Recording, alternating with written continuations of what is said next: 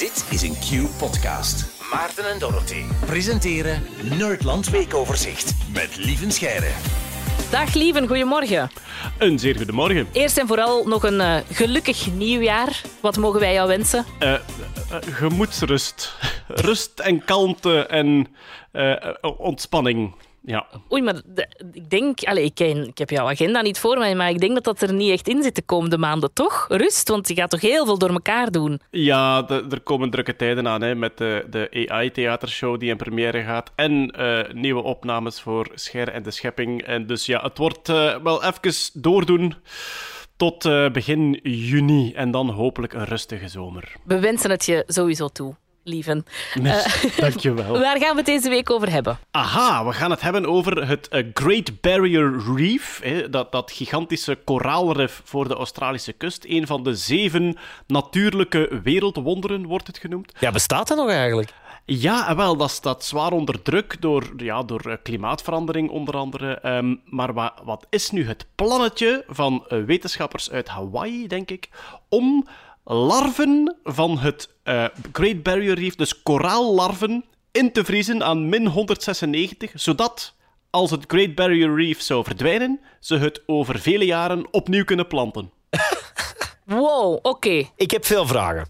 Ik beantwoord ze allemaal. ja, we gaan koraal invriezen. Vertel. Ja, het, het uh, Great Barrier Reef, de prachtige plek in uh, Australië, uh, staat nu onder druk. onder andere omdat de oceaan een beetje zuurder wordt, omdat de watertemperatuur hoger wordt. en ja, dat is een, een, een fragiel ecosysteem. Maar ze willen stukjes daarvan, larven daarvan invriezen, om dat misschien terug te kunnen planten als het uitgestorven zou zijn. Om te beginnen, koraal is een van de zotste levensvormen op aarde. Koraal is heel dichte familie van kwallen. okay. Wat raar is natuurlijk. Hè. Um, uh, die neteldier, waar de kwallen ook bij zitten, die bestaan in twee vormen. En dat is die kwalvorm die wij kennen. Ja, dat ronddrijvend plastic winkelzakje eigenlijk. Met, uh, maar, maar de andere levensfase van de kwal is een polyp. En een polyp dat is eigenlijk gewoon een piepklein doorzichtig diertje dat met de onderkant vastgehecht zit aan een oppervlak. En dat dan aan de bovenkant een paar tentakeltjes heeft waarmee het zo door het water zeeft en probeert om prooien te vangen. En veel kwallen die wij kennen, die komen voornamelijk in de kwalvorm voor. En um, koraalriffen komen alleen maar in de polypvorm voor. Maar er zijn ook kwallen die wisselen tussen de twee tijdens hun leven. Dus die beginnen als polypje, ergens tegen, tegen een rotsblok, uh, piepklein. En dan af en toe, en dan denken die van, ja, ik ben hier beu, ik word een kwal. En dan veranderen die gewoon in zo'n grote kwal. En dan zwemmen die een beetje rond. En dan planten die weer polypjes waar weer nieuwe kwallen ja? uitkomen. Enfin, Ai, dat wist ik zotte beest. Dus, ja. Maar wat doen die polypen van die koraalriffen? Die hechten zich vast aan een rotsje en dan beginnen die uit het water kalk te halen en met die kalk maken die een soort uh, bescherming om zich heen en een soort kalkvoetje om op te staan.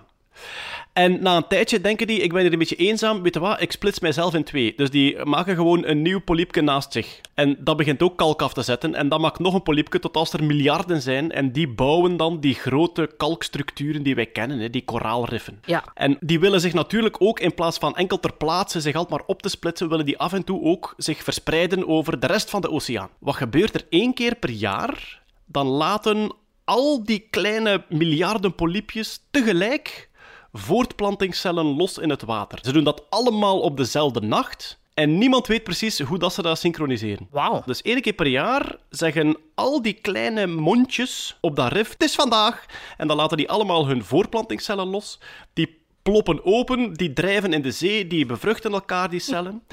En één van die bevruchte celletjes, die kan dan kilometers verder op een rots landen en daar een polypje worden en kalk beginnen afzetten. En dat kan dus in de loop van tientallen jaren volledig uitgroeien tot een nieuw rif. Wauw. Als je het zo vertelt, dan denk ik, ah, oké, okay, uh, ja, ze zijn eigenlijk best vruchtbaar en ze verspreiden zich Ja. goed. Waarom moeten ze dan ingevroren worden?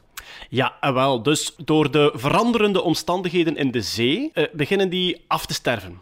Dus af en toe zijn er gigantische stukken rif die eerst helemaal verbleken, hè, die eigenlijk hun, hun, hun eh, kleurstoffen, dat is een Ja. soort alg die daarin leeft, die dat verliezen. En dan gaan die dood. En dat gebeurt met gigantische lappen tegelijk en steeds vaker.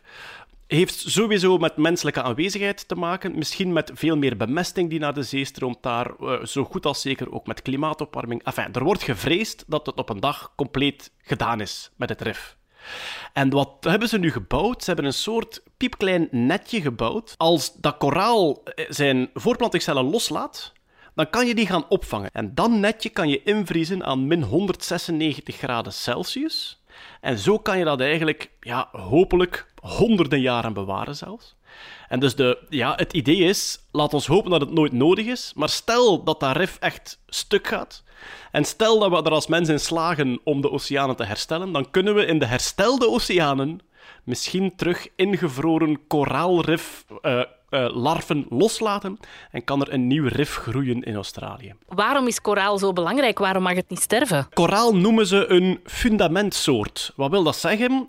Uh, heel, die, heel die structuur die gebouwd wordt in de zee, hè, dus heel die riffen en die holen en spelonken, dat is een volledig biotoop op zich. Er zijn vissensoorten die enkel daar overleven. Er zijn dan weer andere vissensoorten die enkel bij die vissen overleven. Dus als het koraal verdwijnt, dat is alsof dat je um, in heel Europa de bossen kapt. Er zijn heel wat diersoorten die enkel maar in die omgeving kunnen overleven. Dus je zou echt, ja, door het fundament te laten verdwijnen, zou je een, een hele tak van biodiversiteit verliezen ook. Maar ja, je zegt het zelf, het zou beter zijn als het, als het niet hoeft te gebeuren, dat we dat opnieuw tot leven moeten wekken. Maar kan het dan nog voorkomen worden? Wat moet er gebeuren om het koraal dat gewoon bestaat te laten leven?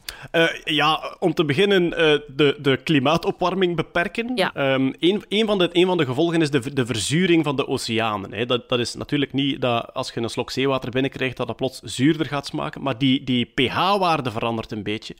En als wij kalksporen willen wegwissen, dan doen wij dat met azijn, omdat dat zuur is. Dus een zuurdere oceaan gaat veel van die kalkskeletjes beschadigen en het moeilijker maken.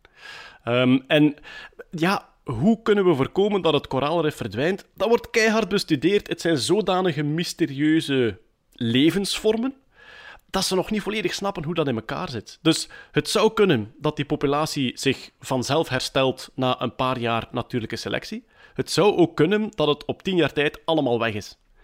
En dat wordt nog bestudeerd hoe we dat, uh, ja, hoe we dat kunnen voorkomen. Hopen dat het niet zo ver komt en anders dus uh, hopen dat die andere oplossing ook werkt. Hè? Ja. Dat we het kunnen bewaren, toch op zijn minst, mocht het verdwijnen. Lieve Scheire, heel graag tot volgende week. Tot dan. Dit was een podcast van Q-Music. Wil je meer? Wil je meer? Kijk op qmusic.be.